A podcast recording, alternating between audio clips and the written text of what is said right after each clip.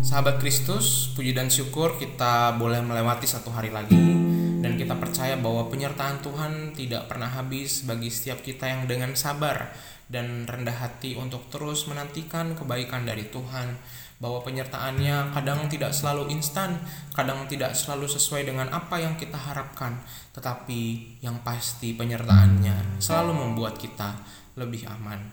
Kita akan memujikan pujian dari Kidung Jemaat 10, Pujilah Tuhan Sang Raja bait pertama dan yang kedua, Kidung Jemaat 10, Pujilah Tuhan Sang Raja bait pertama dan yang kedua.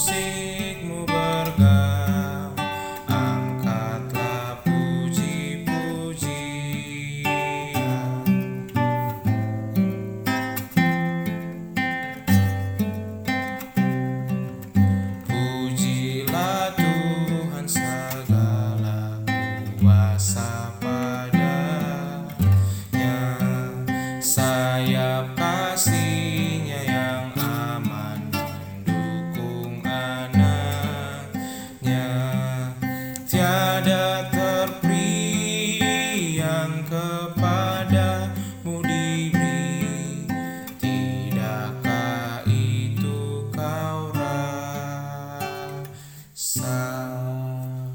Mari kita berdoa. Tuhan terpuji namamu. Bahkan tanpa pujian kami pun engkau begitu luar biasa. Engkau adalah Allah yang melebihi segala Allah Engkau adalah Raja melebihi segala Raja. Sehingga biarlah Tuhan segenap hati dan hidup kami Kami sungguh-sungguh bawa kepadamu. Kami mau datang kepadamu untuk terus percaya bahwa penyertaanmu begitu nyata dalam hidup kami. Sebentar kami akan membaca firmanmu Mampukan kami Tuhan untuk bisa memahami dan melakukannya dalam hidup kami. Dalam namamu kami berdoa. Amin kita akan baca bersama-sama lanjutkan bacaan kita dari Ibrani. Ibrani pasal 2 ayat 1 sampai 4 Ibrani pasal 2 ayat 1 sampai 4 demikian sabda Tuhan. Karena itu harus lebih teliti kita memperhatikan apa yang telah kita dengar supaya kita jangan hanyut di bawah arus. Sebab kalau firman yang dikatakan dengan perantaraan malaikat-malaikat tetap berlaku dan setiap pelanggaran dan ketidaktaatan mendapat balasan yang setimpal, bagaimanakah kita akan luput jikalau kita menyia-nyiakan keselamatan yang sebesar itu yang mula-mula diberitakan oleh Tuhan dan oleh mereka yang telah mendengarnya kepada kita dengan cara yang dapat dipercayai sedangkan Allah meneguhkan kesaksian kita oleh tanda-tanda dan mujizat-mujizat dan oleh berbagai-bagai pernyataan kekuasaan dan karena Roh Kudus yang dibagi-bagikannya menurut kehendaknya. Begitu banyak berita soal pandemi. Begitu banyak berita soal vaksin, banyak berita bagaimana eh, ketika kita berhadapan dengan virus itu, ketika kalau misalnya amit-amit kita terkena, apa yang perlu kita lakukan? Dan banyak informasi yang diberikan di grup WhatsApp saudara-saudara kita begitu ya, biasanya ini WhatsApp keluarga ya. Itu satu dan yang lain bisa bertentangan gitu ya. Kok bisa bertentangan? Karena kadang kita tidak tahu asalnya dari mana gitu ya. Kadang ada tulisan-tulisan dari orang-orang yang mungkin dia tahu tentang penyakit ini tapi bukan ahlinya. Dia tidak bersertifikat, tidak bergelar khusus sehingga kita punya banyak tulisan yang satu bilang jangan berjemur, yang satu berjemur, yang satu bilang eh, harus vaksin, yang satu bilang nggak usah pakai vaksin. Sehingga kadang kita perlu cek. Sekarang hoax dan kebenaran rasanya garisnya tipis sekali. Kita jadi susah membedakan. Ada orang yang saking takutnya sama hoax semuanya dibilang hoax. Sampai yang benar pun dibilang hoax. Ada orang yang terlalu percaya sama hoax, apa pun dipercaya, bahkan hoax sekalipun dipercaya.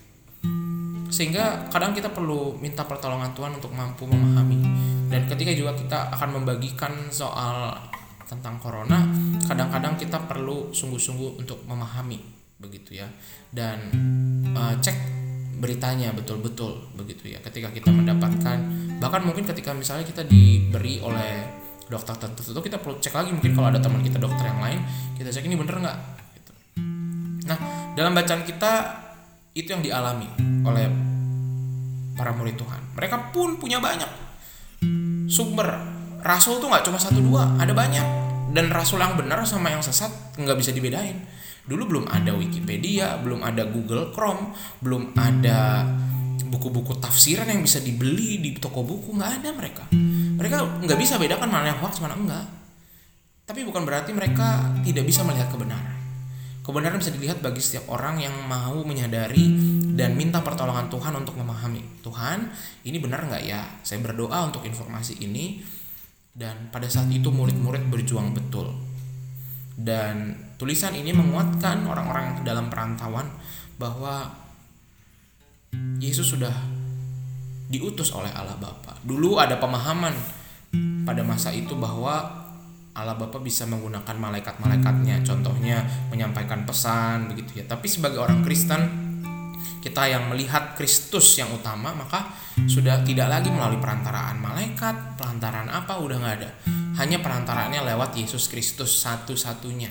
Karena kita bisa lihat ketika Yesus di kayu salib tirai bait Allah terbelah dua. Jadi sudah tidak ada batas lagi dan hanya lewat Kristus kita bisa bertemu dengan Bapa. Tidak perlu malaikat-malaikat gitu ya. Tidak perlu harus izin dulu sama pendeta. Pendeta kami mau berdoa nih nggak perlu izin lagi langsung doa sendiri masing-masing berrelasi. Yang penting semua doa ditutup dengan dalam nama Tuhan Yesus kami telah berdoa. Keselamatan satu-satunya cuma lewat Tuhan dan biarlah ini mengingatkan kita di sepanjang hari ini tadi ya untuk bisa mempelajari firman Tuhan dengan sungguh-sungguh. Dan banyak hoax tentang firman Tuhan juga banyak sekali. Makin ke sini apalagi terkait pandemi orang biasanya ngutip-ngutip ayat-ayat dengan mudahnya begitu ya. Makanya kalau kemarin saudara-saudara uh, di klasis kita Bapak Penatua Yonatan dari Jatibarang dalam tes kependetaannya dia membahas soal penyalahgunaan penggunaan ayat-ayat Alkitab. Oh bisa. Ya bisa terjadi karena tidak semua orang sekolah teologi. Sehingga kadang-kadang kita perlu hati-hati dalam penggunaan ayat Alkitab. Karena ayat Alkitab adalah ayat yang sangat penting. Dia itu adalah firman Tuhan. Jadi nggak boleh sembarangan omongan Tuhan ibaratnya itu keluar dari mulut Allah kita sembarangan ambil comot kita pakai untuk apa yang kita mau. Itu ya. Sehingga kita harus hati-hati dalam membagikan firman memahami firman melihat informasi memahami informasi supaya kita tidak menyebarkan kebohongan. Penyebar kebohongan hukumannya adalah maut. Itu yang sering kali kita lupa. Karena kita sering kurang hati-hati, kita tidak tahu konsekuensinya bahwa penipu-penipu ya pembawa berita. Kita awalnya nggak ada saya nggak ada niat loh pak jadi penipu. Betul. Tapi kita harus hati-hati ingat ya jangan sampai orang sangat percaya pada apa yang kita beritakan dan akhirnya membawa hidupnya ke jalan yang tidak benar itu dosanya di kita. Sehingga kita harus hati-hati sekali ya. Sehingga kita belajar dari kitab hari ini Ibrani ya. Belajar bahwa harus minta bijaksana dari Tuhan. Dan kalau ada informasi kita pahami dulu konsumsi dulu secara pribadi kita lakukan kita buktikan baru kita bagikan Tuhan menyertai kita amin mari kita berdoa Tuhan terima kasih kalau hari ini kami belajar kami tahu kadang Seringkali kami tidak bisa membedakan hoax dan mana bukan. Kami juga kadang menggunakan firman Tuhan dengan sembarangan. Tapi bila hari ini kami sungguh-sungguh memahami bahwa kami meminta pertolongan Tuhan selalu dan selalu. Sebelum share, sebelum membagikan apa pun, didoakan dulu Tuhan, aku mau bersaksi nih. Tuhan tolong aku sehingga bila Tuhan kau dengarkan janji kami ini supaya makin banyak orang bukan salah jalan tetapi semakin dekat kepada kebenaran dan dekat kepada Tuhan. Dalam namamu kami serahkan. Amin. Tuhan memberkati.